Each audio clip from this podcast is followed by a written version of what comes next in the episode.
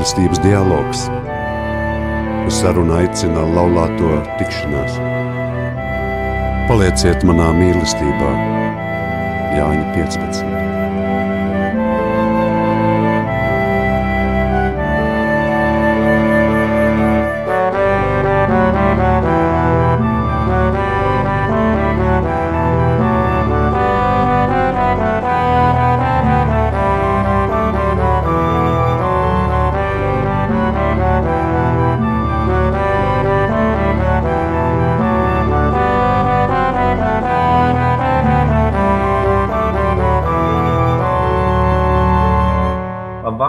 Ar jums kopā ir apvienības laulāto tikšanās raidījums mīlestības dialogs, un mēs, Edgars un Sigita.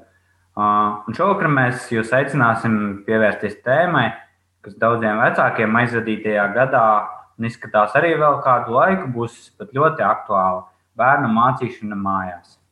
Laikā, kad daudz vecāki pārdzīvo, ka mācības skolā pāriet attālinātā režīmā, krīt izmisumā, jo nezin, kā savienot darbu bērnu mācīšanu un pieskatīšanu, Ir vecāki, kas ir apzināti izvēlējušies mājmācības ceļu, proti, pilnībā uzņēmušies savu bērnu skološanu mājās.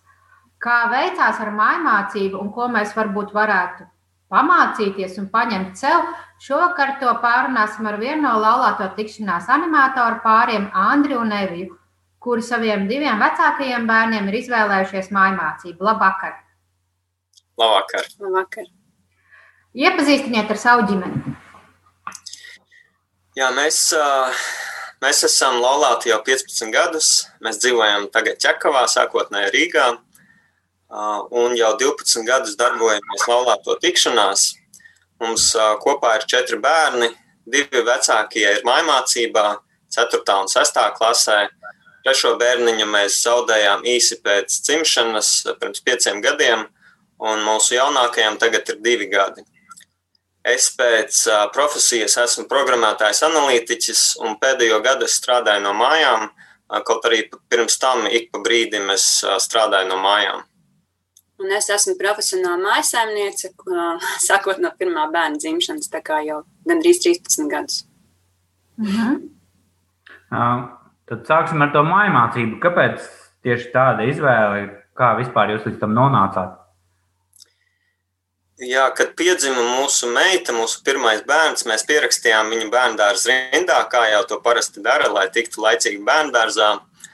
Kad pienāca rinda, mums jau bija piedzimis otrais bērns, un mēs sapratām, ka labāk būtu, ja tos abus bērnus Evija audzinātu mājās, jo tas būtu labāk viņiem, ka mamma ir kopā ar viņiem mīlošā vidē, un mēs atteicāmies no tās bērnu dārza rindas. Un tajā laikā mēs pazinām arī divas citas ģimenes, kuras aktīvi interesējās par mājmācību. Un mēs arī sākām par to domāt un uh, savstarpēji daudz par to pārunāt. Uh, tajā laikā arī tika dibināta ģimeņu, mājmācības ģimeņu biedrība, ģimeņu skola apvienība. Un mēs tajā iestājāmies un iepazinām daudzas uh, citas brīnišķīgas ģimenes, kuras tajā laikā domāja vai arī tikko bija uzsākuši to mājmācības ceļu. Uh, Un, līdz ar to mums bija jau atbalsts un padziļināta izpratnes iespēja par šo, par šo jautājumu, par mājmācību. Tad lēnām garā mēs nobriedām. Bija skaidrs, ka bērnu dārzā neliksim nemaz, un pat par skolu mēs pēc tam tā kā lēnītēm līdz tam tikām. Es piebildīšu, ka ģimenes skola apvienība ir apvienība, ko ir nodibinājuši un kuru vada mājmācības vecāki ar mērķi, lai atbalstītu Latvijas mājmācības ģimenes, atbalstītu viņu tiesības, izglītot savus bērnus mājās. Un mūsu pulkā ir vairāk kā simts mājmācības ģimenes no dažādiem Latvijas novadiem un pilsētām. Nu jā, viņi bija kā atbalsta punkts, un tas mūsu ceļš līdz ar to bija vieglāks. Bet galvenokārt mēs sapratām, ka mēs vēlamies būt blakus mūsu bērniem, redzēt bērnu dažādos attīstības posmus, atbalstīt, paskubināt, tur, kur nepieciešams. Uh, Un, jā, tā arī mēs tik, tad, veiksmīgi beidzām pirmskolu, esot reģistrēti arī pirmskolas iestādē, bet mācot mājās. Un arī uh, soli pa solim tiešām izlēmām to skolu, sākuma skolu arī darīt mājās. Un, uh, bet es atceros, ka tajā laikā mums paziņa vaicāja, nu kā jūs varēsiet uh, ķīmiju un fiziku mācīt saviem bērniem. Un bija daži, nu, daudz aizspriedumu un bažas, kas mums pašiem bija jāpārvar. bet mēs sapratām, ka nu, šie priekšmeti vispār nav aktuāli sākuma skolā, un ka mēs tiešām iesim soli pa solim un paļausimies un kopā pieņemsim lēmumus, pārunāsim šo mūsu lēmumu. Un arī mēs izlēmām, ka, ja gadījumā mums liksies, ka bērnu izglītošanu mēs varētu deleģēt skolai, tad arī šo soli mēs pārunāsim un varam mierīgi to darīt, ja mums liksies, ka tā ir pareizi kaut kad. Ko vispār tad ietver sevi jēdziens mājmācība? Nu, kas tas ir reāli? Jo tikko tu pati pieminēji to fiziku, ķīmiju, kāda tas izpaužas reāli. Jā, nu, mājmācība ir uh, izglītības iegūs forma, uh, kurā bērns izglītību iegūst savā ģimenē. Uh, tā nav mājapmācība, uh, kad veselības vai kādu citu iemeslu dēļ uh, bērnu mājās māca kāds skolotājs un tā nav arī tālmācība, kurā bērns mācās sekojot kādai skolas noteiktai precīzai programmai. Mājmācībā par bērnu izglītību ir atbildīgi tieši vecāki, un tie nosaka un arī seko līdzi mācību procesam, atbalsta bērnus, palīdz, nodrošina vajadzīgos materiālus, izglītību, izglītības vidi un tam līdzīgi. Nu, kā tas e, praktiski apmēram izpaužās, lai tomēr būtu priekšstats? Jo man īstenībā nav skaidrs, kā tas reāli izpaužās. Tā tad. Uh... Kāda ir jūsu tipiskā diena, teiksim tā? Jā. Tad, tad mēs līdz tam veidam, kā mācīt bērnus mājās, nonācām lēnītēm. Uh, sākumā, un katrai ģimenei šis stāsts ir cits, un nav tā, ka kopija paste un viss notiek vienādi. Bija tā, ka mēs sākumā pirmajās klasītēs un pirmskolā daudz vispār neiespringām, sekojām līdz tiem nepieciešamajām lietām, bet bērni mācījās minimāli. Viņi vairāk spēlējās, mēs caur rotaļām, caur praktiskiem kaut kādiem praktiskām nu, nodarbībām, caur pērlītēm, caur mūziku un, un dažādām tādām praktiskām nu, pieejai. Tā mēs vairāk nu, tos bērnus virzījām atbilstoši tam, kas būtu viņiem tajā vecumā jāzina. Ar laiku mēs sākām arī ieviest paši savu tādu stundu sarakstu, to mēs saucam par dienas ritmu. Un, tas vienkārši palīdz sakārtot to dienas režīmu. Un tajā dienas ritmā tad arī ir tie dažādie priekšmeti, un mēs to ritmu pielāgojam un mainām katru semestri, lai būtu atbilstoši tam, ko mēs redzam, kur vairāk piestrādāt. Mēs arī pievienojam klāt paši savus priekšmetus, kas mums liekas svarīgi, piemēram, tur mākslas vēstures grāmatu nopirkām, ielikām arī tajā semestrī, ka reiz nedēļā viņi lasa vienu stāstiņu kopā. Vai arī um, geogrāfijā kartes kopā pie sienas skatās 15 minūtes. Viņi reizē nedēļā vienkārši otram sauc valstis, un katrs meklē, kur tas ir. Tad, tad dažādi izskaistinam, papildinam šo stundu sarakstu. Piemēram, arī šogad uh, Andris divreiz nedēļā ar bērniem uh, apgūst, uh, nu, viņi kopā ar tēti apgūst visuma zemes un cilvēces vēsturi. Uh, Un arī šogad mums ir jauninājums, ka krievu valoda Andris divas reizes nedēļā vienkārši visu dienu runā krieviski ar bērniem un tādā veidā cenšas viņiem vispār pastāstīt, kas tas ir.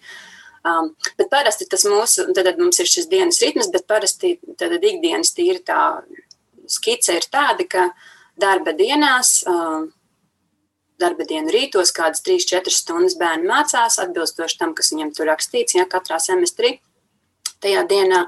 Tad pēcpusdienā attiecīgi vai viņi, ap, vai viņi apmeklē kādu pulciņu, vai arī dzīvojas pāri, lasa, tiekamies ar draugiem, vai nu, dara, ko paši vēlas. Un, tad, tad mums ir svarīgi, ka mēs tiekamies ar dažādām mācības ģimenēm, un tad mēs kopā pamācāmies, vai arī nu, ir tīri draudzēšanās, vai arī ejam uz muzejiem, ekskursijām. Protams, tagad šogad šī dimensija sadraudzības dimensija un pulciņa, tas viss ir uh, pilnīgi ierobežots, un tad mēs attiecīgi mēģinam pielāgoties. Nu, tā apmēram izskatās tā skice darba dienās mēs mācāmies. Kā ir ar tiem priekšmetiem, kas nav tie mīļākie priekšmeti? Bērniem, kas iet uz skolu, gribi vai negribi tā fizika, kas varbūt nepatīk, vai latviešu valoda, kas nepatīk, ir jāmācās. Bet mājās priekšā ir mamma, Nu, kā tad tur ir? Nu, tur varbūt tās var izlūkties, ka, nu, nē, es to nemācīšos. Vai pašai mammai nepatīk šis priekšmets, piemēram?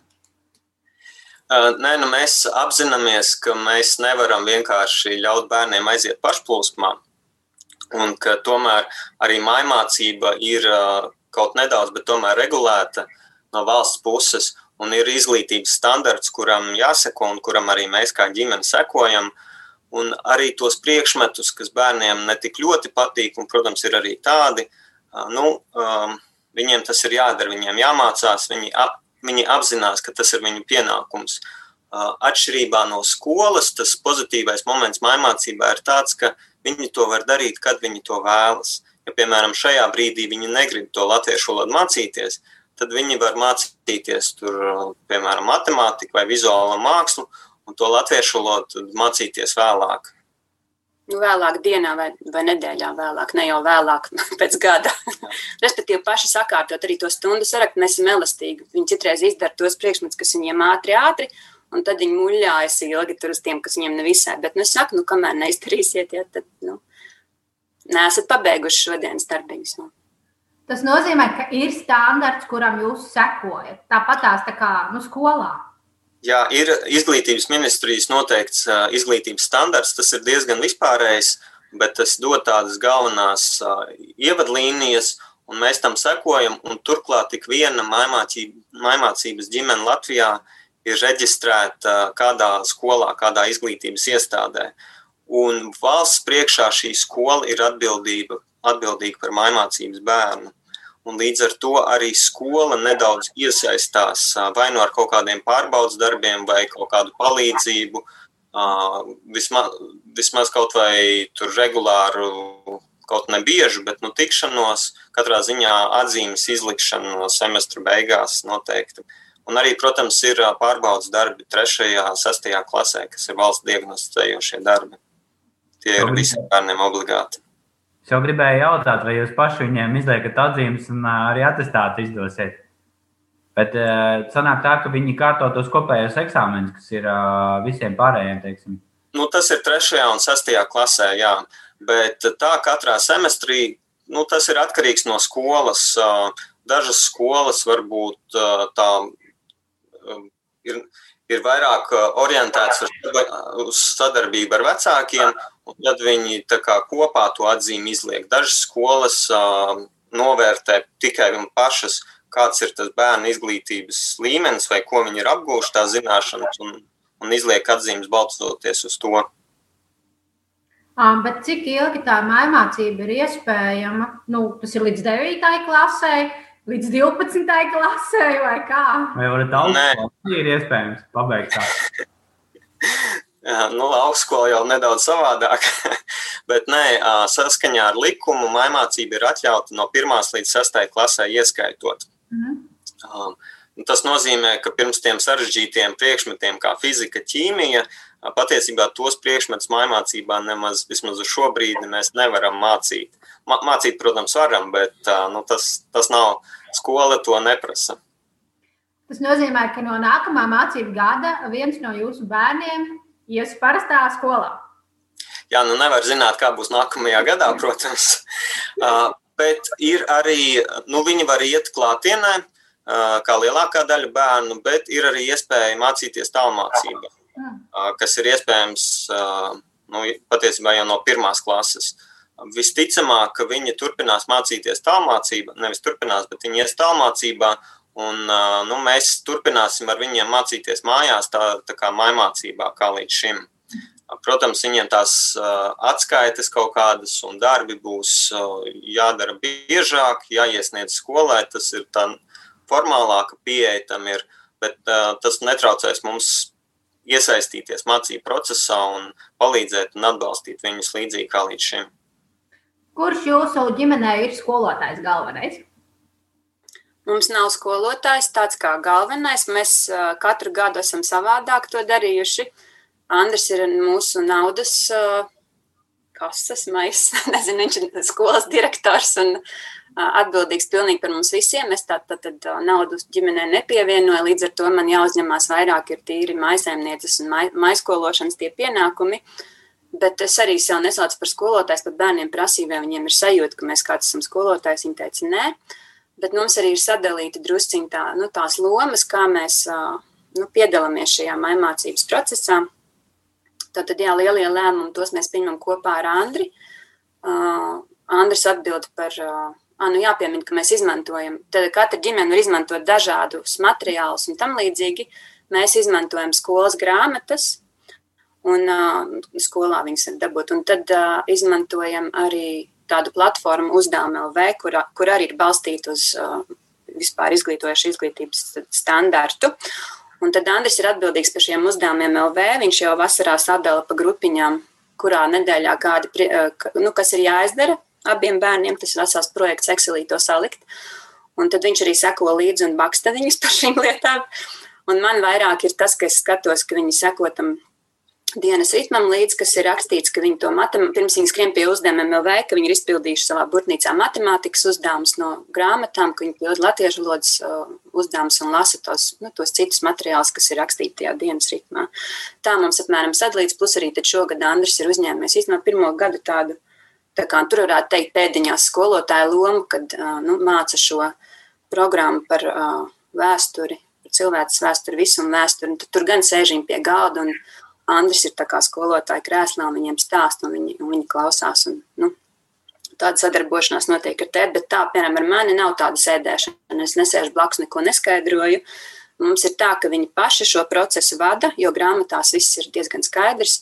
Viņi ļoti, ļoti, ļoti patstāvīgi, jo no mazām dienām es, es, tas nav mans talants. Es neesmu spējusi pieslēgties un uh, nu, būt tāda spēļu, spēlēties ar viņiem vai caur spēli kaut ko mācīt, tā kā jau sākās nopietnās lietas, tad viņi jau to visu paši jau sāk apgūt un no, las, no caur lasīšanu mācās. Un tad, līdz ar to es neesmu skolotājs, tā kā drīzāk koordinātori esmu tam, tam ritmam, tiem darbiem, kas viss jādara, jo mācības ir tikai daļa no mācības, tad, protams, ir vesela kaudzīta ar ikdienas darbiņiem un uh, pienākumiem un nu, tīri tām ģimeniskajām lietām, kas varbūt skolā nav. Ja, tad brokastu gatavošana, trauku mazgāšana, uzkopšana, tas viss, kas iet tajā dienas ritmā iekšā. Tā mums ir to skolotāju statusu.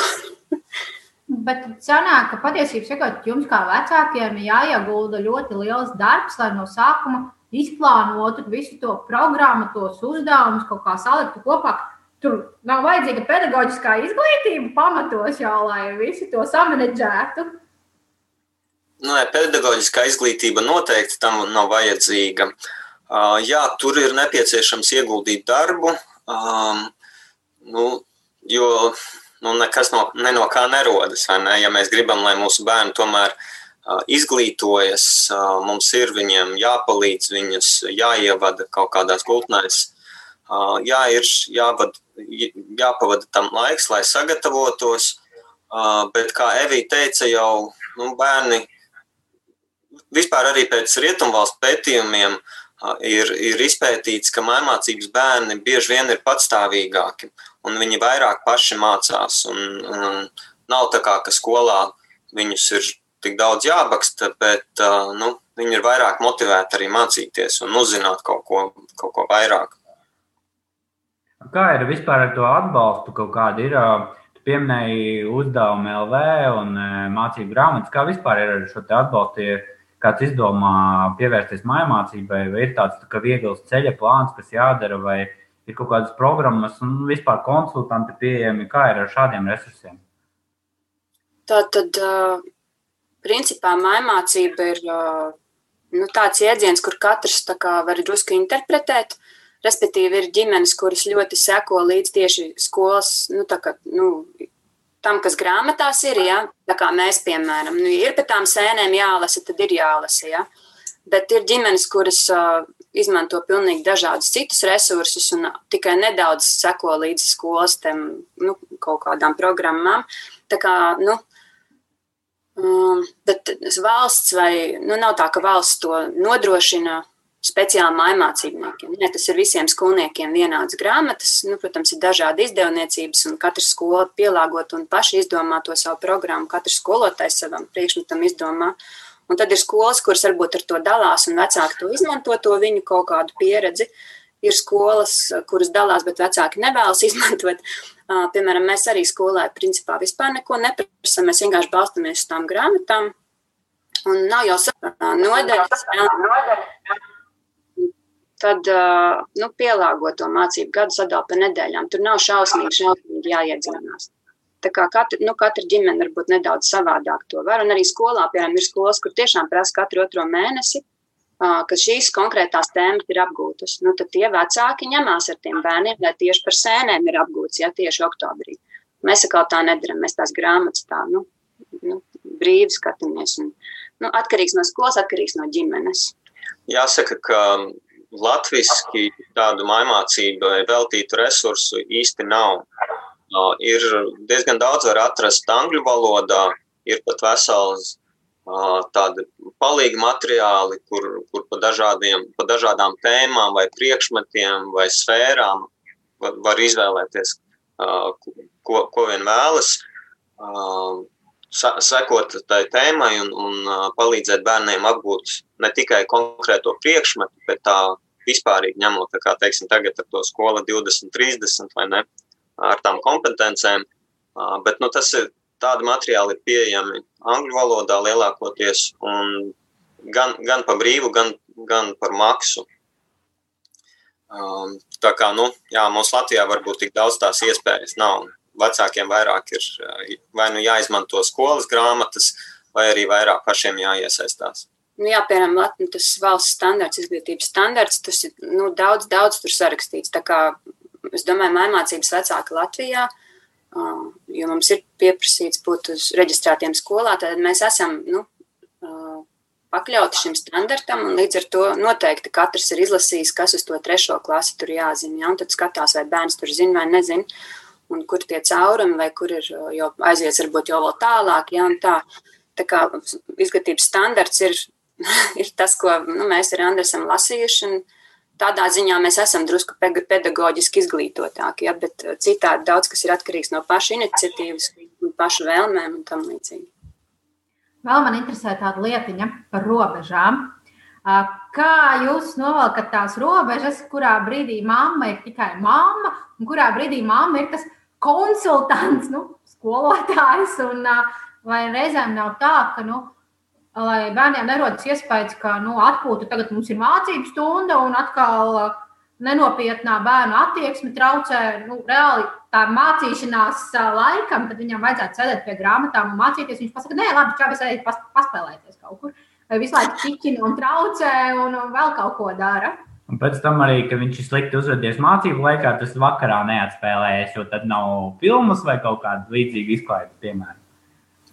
Nu, mums ir gājis visādi, un bērni aug un attīstās, un tā kā es jau vairs neatceros, bet ir gājis visi no šiem jūsu pieminētajiem scenārijiem, gan jau mēs tam esam bijuši cauri, bet tagad viņi ir jau tādi lielāki, uh, izprot savu lomu paši savā izglītības un dzīves ceļā, Un, nu, jā, mēs principā esam izrunājuši viņiem to, kas no viņiem ir sagaidāms un kādēļ. Un viņi apzinās, ka daļa mācību tiešām nāk viegli un daļa nāk grūti un jāpiepūlās. Tad šis stundu saraksts, ja mūsu dienas ritms palīdz noturēt šīs robežas, un tas dienas laikā ir jāizdara tas, kas tur rakstīts. Protams, mēs esam elastīgi. Ja uzsnīdz tikko sniegs deficīts, tad mēs ļaujam bērniem uzreiz pēc brokastīm skriet ārā un divas stundas dzīvoties pa sniegu un ņemties un tad vienkārši mācības pavirzās uz pēcpusdienu, vai šo to arī izlaižam citreiz, kas liekas, nu labi, netērēsim tam šodien laiku, tas nekas. Nu, šodien izņēmums, vai kaut kādas dzimšanas dienas iekrīt ceturtdienā, mēs viņu pie mācībām nesēžam. Ja? Tā kā mēs esam elastīgi, mēs cienam, viņi ciena to stundu, nu, tāda mācību to tā kā rīta posmu, viņi ciena, bet mēs arī cienam to, ka dažreiz ir nu, jāpārsteidz un jābūt elastīgiem. Tāpat arī vakaros neatriedamies, neliekam kaut ko mācīties pēkšņi. Vai arī, piemēram, ja viņi tur mēs esam divas dienas nedēļā bijuši ciemos, draudzējušies, tad tās divas dienas uzdevums LV viņiem ir jāatstrādā, jo tas ir pa nedēļām sadalīts, bet mācību grāmatā vienkārši nākošais izlasa divas nodaļas pēc kārtas, piemēram. Esam tā elastīgi, un es domāju, viņi ciena mūs, ka mēs cienam viņu robežas. Nu, tas tā kā apusēji. Bet jā, dažreiz ir tur kaut kādas nepatīkamas attieksmes, un tas jau visiem ir. Nu, Mums man arī, man dažreiz vienkārši pieceļos, es vispār negribu nevienu neredzēt neko, bet, nu, ej un daries, ja tā es brokastis, es ar tiem bērniem kopā. Tā kā par garastāvokli mēs nevienu nesodam. Un par attieksmēm arī cenšamies pārunāt, nevis bakstīt. No, kā nekādu. Tad dialogs, ja mūsu dialogs ir ļoti svarīgs ar bērniem un savā starpā. Bet viņi apzinās to, ka nu, tagad ir tas mācību laiks. Nu, ja nav jāiet ciemos, vai ja nav dzimšanas diena, vai ja ārā nav sniegs, viņi tomēr saprot nu, to, ka, ka ir jāmācās vai, vai kā. Jā, tas bija problēmas, teiksim, tā, to izpratni sākumā. Sākumā bija īpaši ņemot vērā, ka mēs sākumā apguvām mācības viņiem pat īsti nemanot, nu, tā kā tās pirmskolas elementārās lietas un, un tā, bet uh, ir bijuši, es atceros, piemēram, tā, ka, pie, uh, tā, ka mēs zaudējām uh, trešo bērnu, ja mums bija sēra laiks, es tur vispār miglas mākonī staigāju, bija rīti, kad viņi arī tādi pilnīgi neadekvāti. Un tad es uh, sapratu, ka tā bija īstenībā tikai pirmā klase meitai. Dēls bija pirmskolā, es domāju, pirmā klase. Nu, ko tur ņemties? Vienkārši daudz ko viņi zināja. Mēs gandrīz vispār nemācījāmies formāli. Tā kā no tā viņa arī tā pieredze. Un tad, jā, vienā brīdī mēs sākām saprast, labi, trešā klasē, nu, ir diagnostika, nu, būtu vairāk formālāk jāpieiet tam. Jo daudz kas notika dabiski. Nu, kaut ko palasa, kaut ko atcerās, labas galvas un tam līdzīgi. Bet tad, tad vienā brīdī bija tā, ka jā, sarežģītākas tēmas, un jā, ir jāsēž pie tām grāmatām, un ir grūti, un ir jājautā, varbūt palīdzība, kaut kur paskaidrošana. Un es atceros, ka arī bija tie brīži, kad uh, es izēju kaut kur no virtuves, un bērni mācās pie virtuves galda parasti, un tad es atnāku apakaļ, neviena nav. kaut kur ir izklīduši. Māma ir aizgājusi, vaktātājs nav. Tad kaut kur jau pa kaktiem, jau cita grāmata rokā kaut ko. Tad es saku, tā mīlīši, atpakaļ. Nāk ar gariem tādiem ģīmijiem. Ja? Bet, nu, nu, jebkurš skolā darīt tāpat, ja tas priekšmets neinteresē. Vienkārši viņiem nav variantu, un mājās mēs arī pieņemam, ka tā ir. Jā, negribās to tēmu, jā, kaut ko, bet nekas. Saņemies, noskurinies un uz priekšu. Tā kā, protams, ar visu saskaramies. Un grūtāk bija sākumā, kamēr tas process aizgāja. Tagad jau vieglāk. Viņi jau zina, viņi jau vienkārši jau nu, pieaug, nobrieduši jau. Mm. Labākā tieksme uzreiz. Labi, mīļie, mēs esam diezgan daudz runājuši. Tagad ir uh, laiks nelielai pauzei. Un būs dziesma. Varbūt nu, nedaudz sākumā pastāstīt, kādēļ tieši šāda izvēle no jūsu puses. Jā, tad mēs dziesmu izvēlējāmies kopā ar bērniem, jo mēs nu, gribējām, lai viņi arī ir iesaistīti šajā procesā. Arī jautājumu par mācību arī pārunājām ar viņiem, gatavojoties šim raidījumam. Un uh, dziesma atspoguļo to, ka mēs esam latvieši, ka mēs dzīvojam šajā brīnišķīgajā zemītē, uh, ka mēs arī esam pateicīgi, ka mēs varam būt kopā kā ģimene, ka mums ir atļauts mācīt savus bērnus pašiem mājās. Dziesma ir par Latviju, par mūsu ģimeni, par aicinājumu, ka katram mums ir savs, sava vieta dzīvē, savs aicinājums, soli pa solim ietam pretī, un ka mums katram jādara sava daļa, jo katram jādzied tā sava dziesma, jo neviens cits mūsu vietā to dziesmu nedziedās. Klausamies!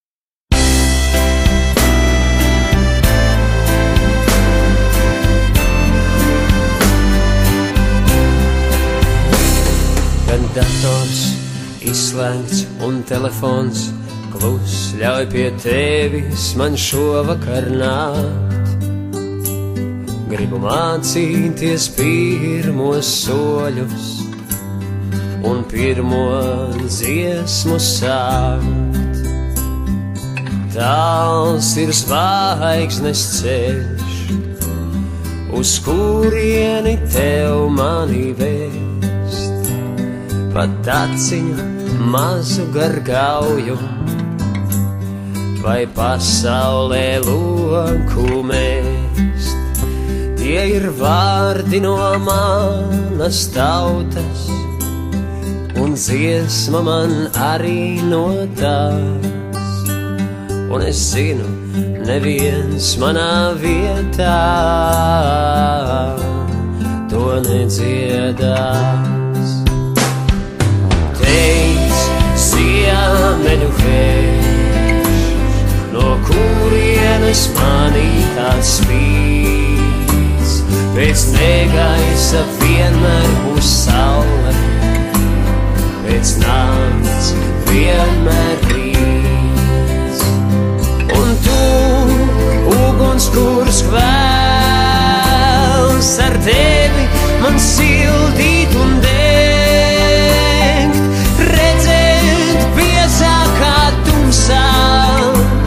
Vai vai sniegos pāri liekt. Tie ir vārdi no manas tautas, un dziesma man arī no tās. Un es zinu, neviens manā vietā to nedziedās. Pielieku soli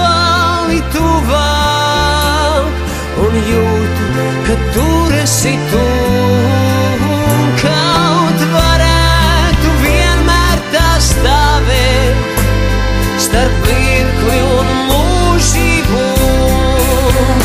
Tie ir vārdi no manas tautas, un dziesma man arī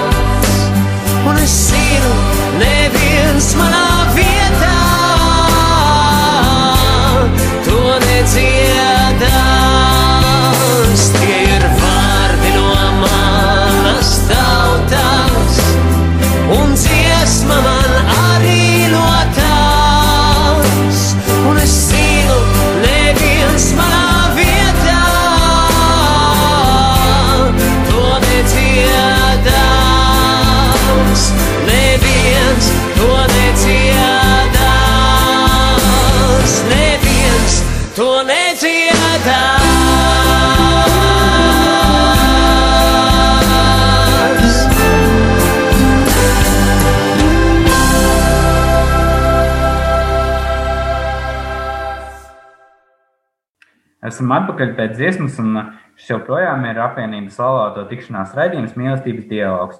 Šeit uh, esam mēs, uh, Edgars un Sigita, un šovakar kopā ar mums ir Andris un Evija, un mēs turpinām sarunu par mājmācību. Um, tagad es gribu pievērsties tādai lietai kā mīti vai aizspriedumi, jo man liekas, ka bieži vien, kad mēs runājam par, kad sabiedrībā runā par mājmācību, tad uh, daudzi saka, ka tie, kas mājās skolo savus bērnus, tie atņem saviem bērniem uh, iespēju socializēties. Tur izaug bez maz vai tādi mežonīši, kas ne, nezina, kas ārpus mājas notiek. Vai ka tas bērns nespēja pilnībā attīstīties, ka viņš nav sagatavots reālai dzīvei, jo dzīvojas tādā tā kā siltumnīciņā. Tad uh, vēl tur ir tā, ka bērns nepierod pie konkrētiem režīmiem, un tas viņam radīs problēmas nākotnē. Kā tad ir, kā tad jūs realizējat šo te, uh, apkārtējās vidas iepazīšanu vai socializāciju? Jūs jau minējāt, ka tiekaties ar citām ģimenēm, ejat uz pulciņiem, vēl kaut kas ir kā, kā ar šo jautājumu un šiem mītiem. Jā, socializācijas jautājums ir tas izplatītākais, num, numur viens mīts par mājmācību. Un cilvēki dažkārt iedomājas, ka tiešām mājmācības bērni visu dienu tiek turēti iesprūdēti istabā, neredzot citus cilvēkus, kā kādā pandē, pandēmijas šausmu filmā. um, bet uh, tā nemaz nav. Protams, atkal atkarīgs no katras ģimenes, kā ģimene par to rūpējas. Bet uh, pēc būtības bērni regulāri, mūsu ģimenes bērni regulāri komunicē ar citiem cilvēkiem. Un, uh, tas arī ir tas, kas dzīvē ir nepieciešams, respektīvi, ka bērni komunicē ar dažādu vecumu cilvēkiem, ka viņi nav tikai ar vienaudžiem, bet uh, ar vienaudžu brāļiem, māsām, ar citiem vecākiem, ar vecvecākiem kopā. Uh, mēs arī, kad piemēram ejam uz veikaliem, viņi, viņi redz, ja, nu, citi bērni ir skolā, mūsējie pēkšņi ir veikalā, vai mēs ejam uz ekskursijām, par mums vienmēr arī interesējas, kāpēc nu, tāda ģimeņa grupiņa pēkšņi ir muzejā. Nu, tāpēc, ka mēs tajā dienā muzejā esam. Ja. Vai arī ekskursijās mēs ejam bariņos ar citām ģimenēm. Un tur un, uh, ekskursijās, piemēram, tie gidi ir pārsteigti par to, ka mūsu bērni jautā jautājumus, viņi ar dzirdošām acīm ieklausās, viņi nav pārguruši, ja? viņi, nu, viņi ir dzīvi šeit un tagad. Un, tad, tad tā komunikācija veidojas. Es arī esmu ievērojis, ka mums pilnīgi atšķirīgi bērni ir pēc temperamenta, bet abiem diviem nav problēma komunicēt uh, tur, kur mēs esam ar nu, ar kādiem citiem, pilnīgi svešiem cilvēkiem dažreiz. Ja? Tad, tad atkarīgs no mūsu ģimenes, tie, tā cik mēs daudz um, ejam ārpus savas ģimenes. Tagad, protams, ir sarežģītāk, ja? bet um, cenšamies vismaz draugiem padraudzēties atbilstoši ierobežojumiem. Jā, cilvēki parasti uzskata, ka tieši skola ir tas labākais socializēšanās variants bērniem.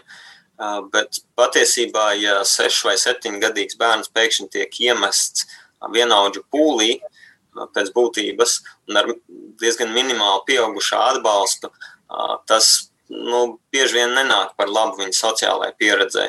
To mēs arī varam redzēt uh, skolas bērnos, klātienes bērnos, jo ne visiem ir ļoti tādas labas sociālās prasmes, uh, komunikācijas prasmes, un visi jūtas labi uh, citu cilvēku uh, kompānijā, vienotru kompānijā. Un es teiktu, ka uh, svarīgāk par socializēšanās kvantitāti, tas ir cik bieži un ar cik cilvēkiem bērnam ir saskarsme, kas svarīgāk par to ir socializēšanās kvalitāte cik konstruktīva šī socializēšanās ir, cik ļoti tā stiprina bērnu. Un kvantitāte, protams, vairāk ir skolas bērniem, savukārt socializēšanās kvalitāte, es uzskatu, ir augstāka mājmācības bērniem, un to arī apried, apliecina dažādi pētījumi, kas ir veikti. Nu, vismaz rietumu valstīs, Latvijā tāda pētījuma īsti vēl nav, bet nu, vairākās rietumu valstīs daudz pētījumu ir veikti, kas to apliecina. Bet pasakiet, godīgi, ir arī kaut kādi mīnusi maimācībai. Nu, lai mēs nestāstītu visu laiku tikai rožaini, ka viss ir skaisti un nav nekāda problēma un viss, ir, viss vienmēr ir labi un tā, lai būtu arī kaut kas no otras puses. Uh, jā, maimācība nav rožu dārs. Uh, tāpat kā jebkura cita ģimenes vai nu, sabiedrības darīšana, ja vienmēr vajag kaut kādu piepūli, vienmēr vajag kaut kādu atbildības sajūtu un, un pienākumu pildīšanu. Es nezinu, grūti varbūt teikt kaut ko konkrētu, laikam, nu, tīri tā ikdienas saskarsme, kur mums pašiem ir jāveido šī vide. Dažreiz tas ir izaicinājums man pašai, piemēram, ja jūs pati pēc rakstura man visādi iet brīžiem. Un, bet no otras puses, kā runājot par socializāciju, ja bērns ir socializēts, piemēram, ar manu raksturu tādā ģimenē, ja, tad es domāju, viņš dzīvē ir diezgan nobriedis. Jo, nu, respektīvi, ka mēs ģimenē arī jau ieliekam daudz ko iekšā no tā, kā salikt, kā izlikt mieru, kā pārunāt. Un tad, piemēram, man personīgi tas būtu tas grūtākais, ka ir viegli aizsūtīt, aiziet pašam uz darbu, aizsūtīt bērnus prom uz skolu un to, to laika cēlienu nu, nerīdēties viens ar otru. Ja? Bet ir daudz grūtāk tad, tad iemācīties veidot to harmonisko saskaņu mums pieciem cilvēkiem, esot visu laiku mājās, lielāko daļu. Un, uh, tur ir gan tie izaicinājumi, gan arī tas skaistums tajā miedarbībā visā. Ko tu vēlēsi pieminēt? Jā, nu vispār jau dzīve nekad nav ideāla un nekas nav perfekts un visur ir mīnus un arī maimācībā ir mīnus noteikti. Tā pati bērnu motivācija, par ko mēs jau runājām, nu nevienmēr tas bērns ir tik ļoti motivēts, lai pats tagad mācītos un uh, ignorētu kaut kādas spēles un, vai, vai ko citu. Uh, tas laiks arī, kas vecākiem tomēr ir jāiegulda, uh, tā uzmanība, kas jāpievērš bērniem, tas atbalsts, kas jāsniedz. Uh, Jo nu, skola mums piedāvā iespēju no rīta atstāt bērnu skolā un vakarā viņu pa, paņemt un nedomāt par to bērnu. Uh, bet nu, pēc tam vakarā tāpat mājas darbi ir jādara.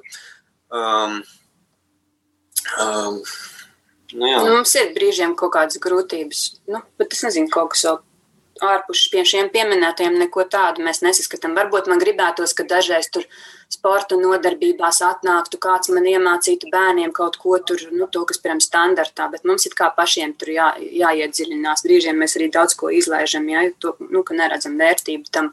Bet gribētos, ir kaut kāda priekšmeta, kur feja ielido pa logu un izdara mūsu vietā vizuālo mākslu, iemācīt debesšķīgi zīmēt vai brīnišķīgi spēlēt kādu priekšmetu, nu, tas ir jādomā ārpus. Uh, nu, rāmīšiem jāsaprot, cik mums tas ir svarīgs, jo visus priekšmetus uz desmit balēm mēs nevaram mācīt, jo mēs neviens nemācāmies desmit balēm. Andrim interesē citi priekšmeti, man citi, ja, nu, kāpēc mums bērniem jāspiež, ka visi būs perfekti visā. Tā kā Dažreiz gribās, lai tā ar to burbuļu nūjiņu kāds piesist un lūdzu man bērnam atvērtu kaut kādu talantu, kur varbūt vienkārši viņam nav. Nu, Un, nu, tas tādu sajūtu, to mēs vairāk jūtam, jo mēs paši to redzam. Ja skolā mēs to tad, skolā bērni, tad, tad skolā mēs varbūt neredzam to bērnu nu, stiprās un vājās puses tādā mērā, ka mums uzreiz gribas glābt viņu. Ja? Nu, tur zīmēšanā ir zemādzīme, nu, lai ir, nu, nu, pacenties. Ja? Bet mājās zīmēšanā mēs redzam, ka viņš varbūt negrib. Un tad ir jāiespringst, jo mēs zinām, ka skolā gribi vai negribi tev ir jāzīmē. Ja? Tad ko, nu, tur tādas nianses, kur vairāk jāpiespiežās kaut kādos priekšmetos, kur mums pašiem varbūt neinteresē, bet tomēr vajadzētu, jo lūk, skolā tā dara, un tad varbūt vismaz jāiepazīstina bērns ar tām iespējām. Es gribu piebilst vēl vienu tādu diezgan svarīgu momentu saistībā ar to laiku. Uh, ir tas, ka nu, pēc būtības uh, ikvienā mājmācības ģimenē vajadzētu būt kādam vecākam, kurš nestrādā vai kurš strādā tikai daļu laiku. Jo, ja abi vecāki strādā pilnu slodzes, nu, teorētiski, protams, tas ir iespējams, bet nu, praktiski to nu, es ne, principā nevienam neieteiktu mēģināt mājmācību, ja nav šādas iespējas, ka kāds no vecākiem nestrādā vai daļai tikai strādā, jo ir jāiegūt tas laiks, jāpavada laiks kopā ar bērnu pa dienu, jāatbalsta viņu, kamēr viņš mācās. Jo savādāk, ja mēs vienkārši iedodam viņam kaut kādus uzdevumus un vakarā atnākam mājās un skatāmies, kas ir padarīts, nu, rezultāts nebūtu tik, tik īsti labs. Bet no bērna aspekta es redzu vienu nu, reālu problēmu.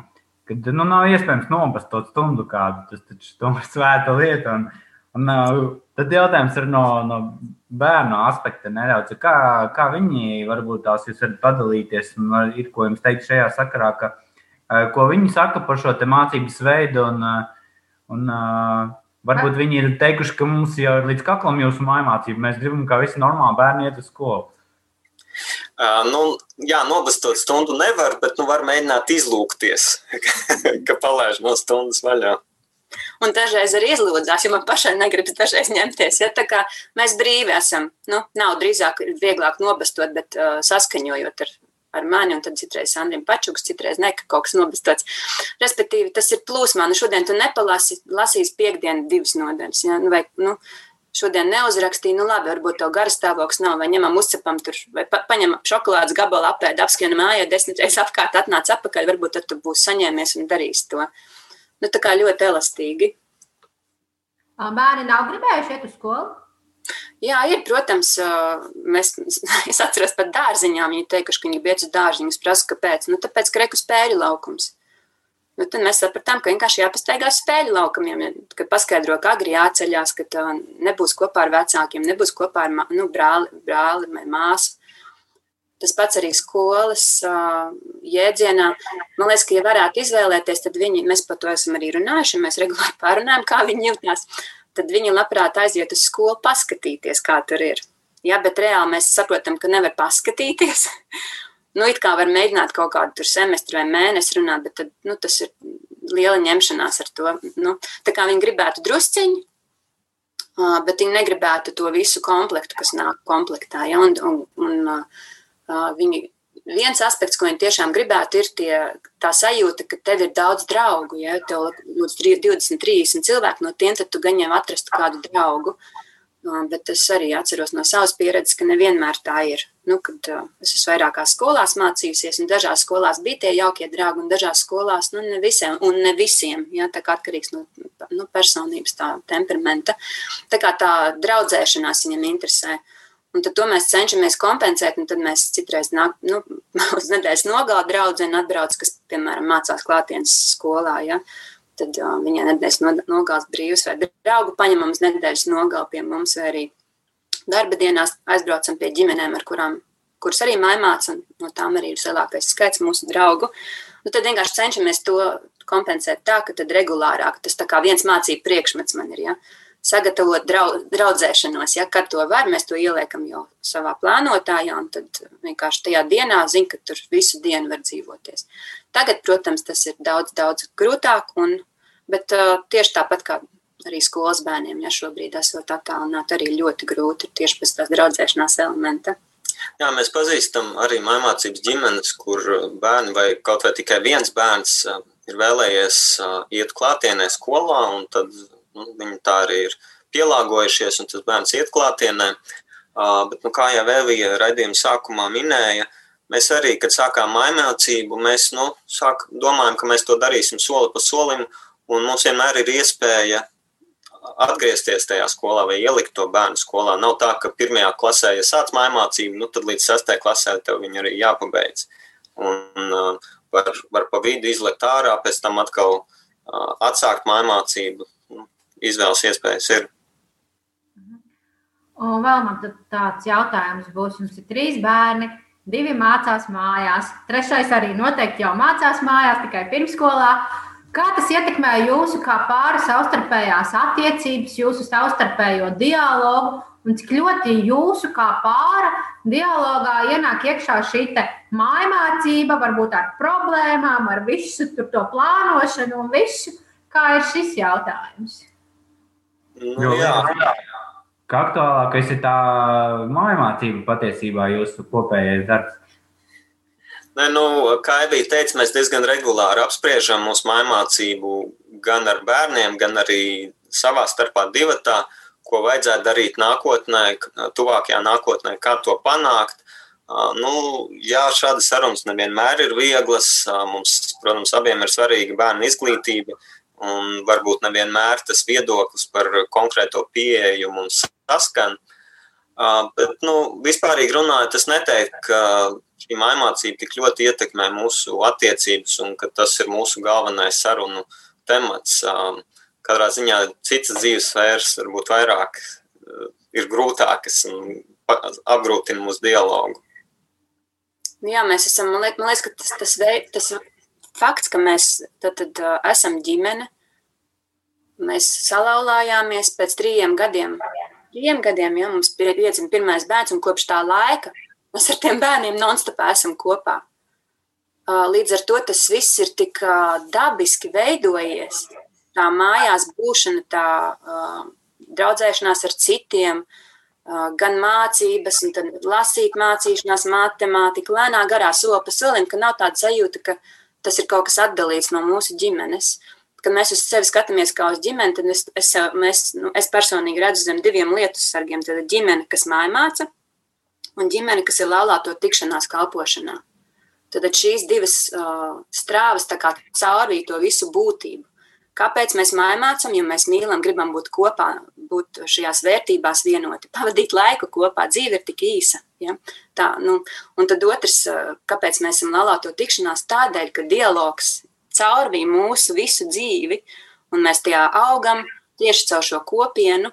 Un šīs divas tad, būšana kopā mācības dzīvesveidā un uh, dialoga, šī klātbūtne, šī praktizēšanās, šī svētība, tas ir mūsu ģimenes, tas viss pamats, kā mēs redzam šobrīd to uh, mūsu ceļu, to mūsu aicinājumu. Tā kā uh, jā, dialogs par to ir, bet dialogs mums ir par daudz ko citu, un mainācība nekad nav bijis kā problēma jautājums. Ir kaut kādas nianses, bet nav tā, ka mēs katru vakaru runājam, ko mēs rīt darām mainācībā. Vispār nerunājam par to. Ir, ir nu, nedēļām ilgi, citreiz pat nav, jo viss iet uz priekšu, vienkārši tā kā, kā tev iet, labi, tā un tā. Nu, kad, uh, tas jautājums nav tāds, ka katru vakaru viņam sēž un gatavojas rītdienas skolai, ja, vai kaut kā tā. Ļoti nu, tā brīvi plūstoši dabiski mums tas notiek ar dažiem uzklupieniem, paklupieniem, protams. Bet... Varbūt jūs varat padalīties ar recepti, kā jūs šo laiku plānojat, organizēt un pavadāt divatā.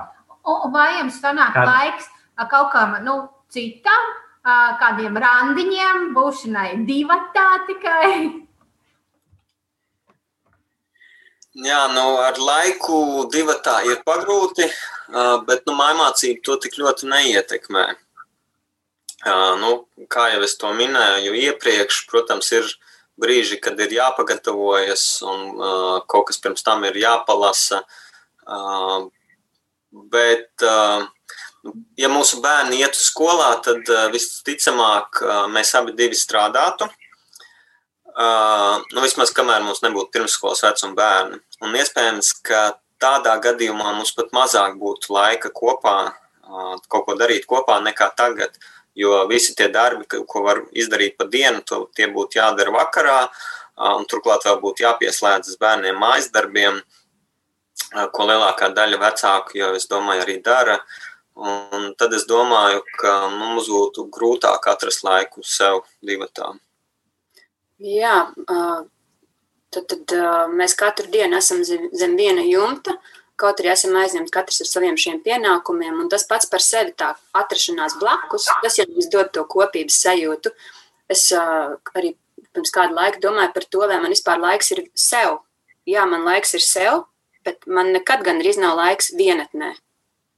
Respektīvi, kas mājās būtu viena, vai es kaut kur ārpus mājām viena. Protams, iepirkties tur kaut ko vēl, ja, bet aiziet kaut kur jēgpilni īsti kaut kā nē.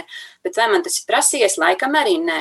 Jo es laiku sev atrodu mājās, ģimenē esot, vienkārši paņemu grāmatu, kaut kur nolienu, Andris tad pieskata bērnus ar vienu ausi, pats kaut ko dara. Mēs tā kā nu, zem viena jumta, katrs cienam viens otru to kaut kādu telpu. Tāpat arī kā bērni, kad viņi, straut, ne, nu, kad viņi lasa grāmatu, mēs neejam viņiem virsū, viņi savā istabā sēž un lasa. Un attiecībā uz laiku divatā, tad, tad šī kopības sajūta jau mums ir kā pluss. Ja mums patīk būt blakus un kopā, kaut arī katrs kaut ko citu dara. Piemēram, mēs cenšamies tvert kaut kādus mazos mirkļus, piemēram, ejot gaitenī garām viens otram. Tad var apskauties, pajautāt, kā tev iet, vai tu tur pabeidzi to, kas tev bija grūtāks, piemēram, Andrim projektā vai kaut kā tā. Tāpat arī Andrim ir pusdienas laikā iespēja, tad es nolieku mazo gulēt un uz pusstundiņu izējām ārā aplīt vienkārši tepat pāru un pārunājam, kas ir aktuāls tajā dienā, vai arī citreiz, kad bērni ir ārā, vai viņi ir ļoti mierīgi, kaut ko dara savā nodabā, tad mēs papļāpājam. Vai arī paskatāmies kādu filmu. Mēs laikam pēc būtības neesam diezgan prasīgi uz kaut kādām tādām izklaidēm. Mums ļoti patīk vienkārši tā kopā būšana un tas mierīgais, tas ikdienišķais, tas parastais. Nu, tā mums ar tiem randiņiem. Baigu uz āru, ne īpaši, kad mazs bērns, tagad divgadnieks, nu mēs viņu neatstājam. Mēs, mēs randiņus mājās noturam. Ne, ne īpaši romantiski pēc izskata, bet ļoti dziļi un atbilst mūsu vajadzībām. Jā, mūsu sarunas laiks jau iet uz otru pusi, jau drīz jābeidz. Man tāds jautājums radās.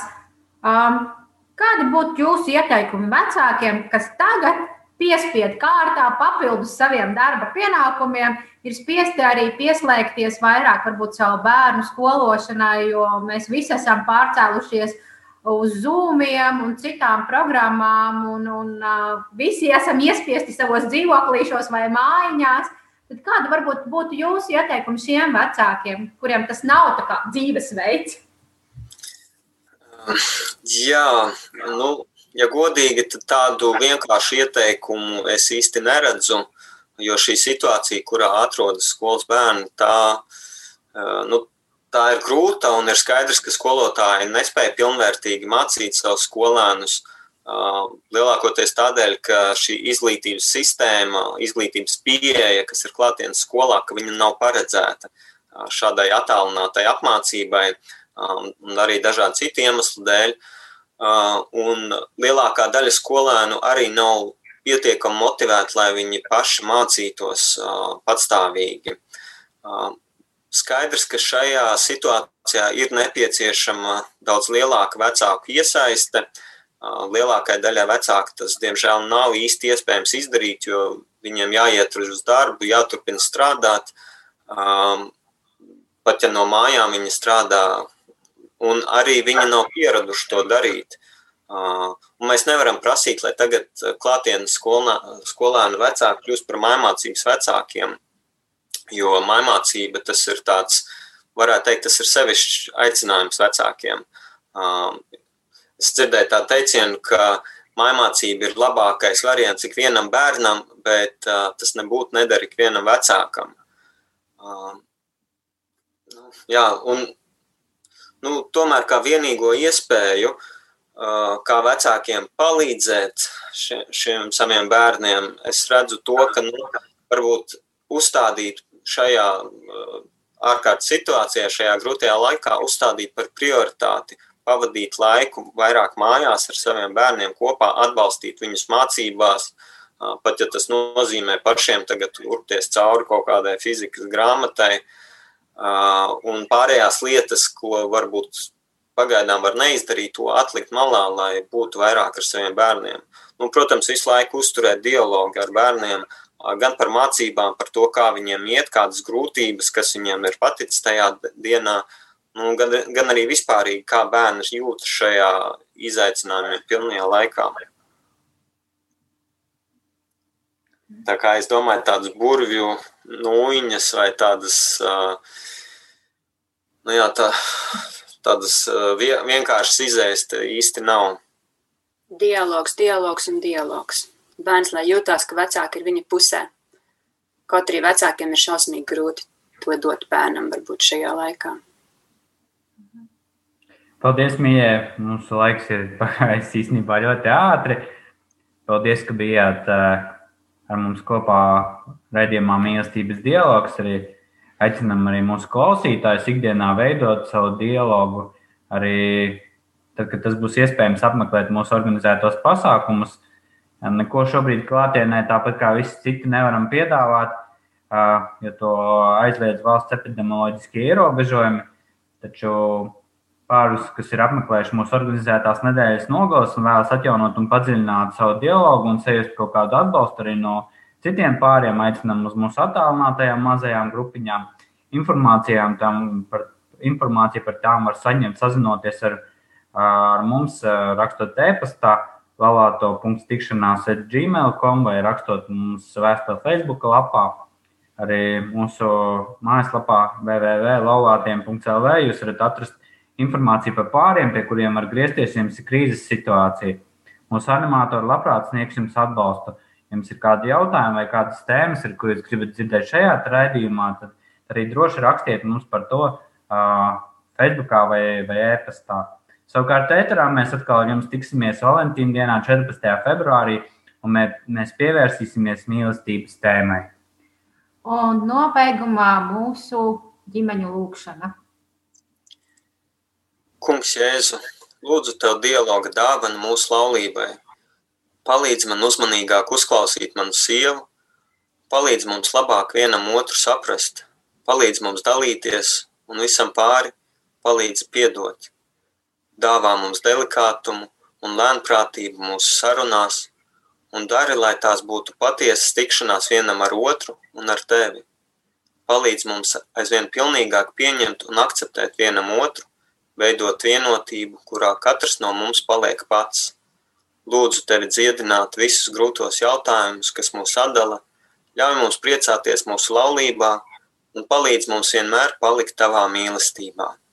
Āmen! Amen.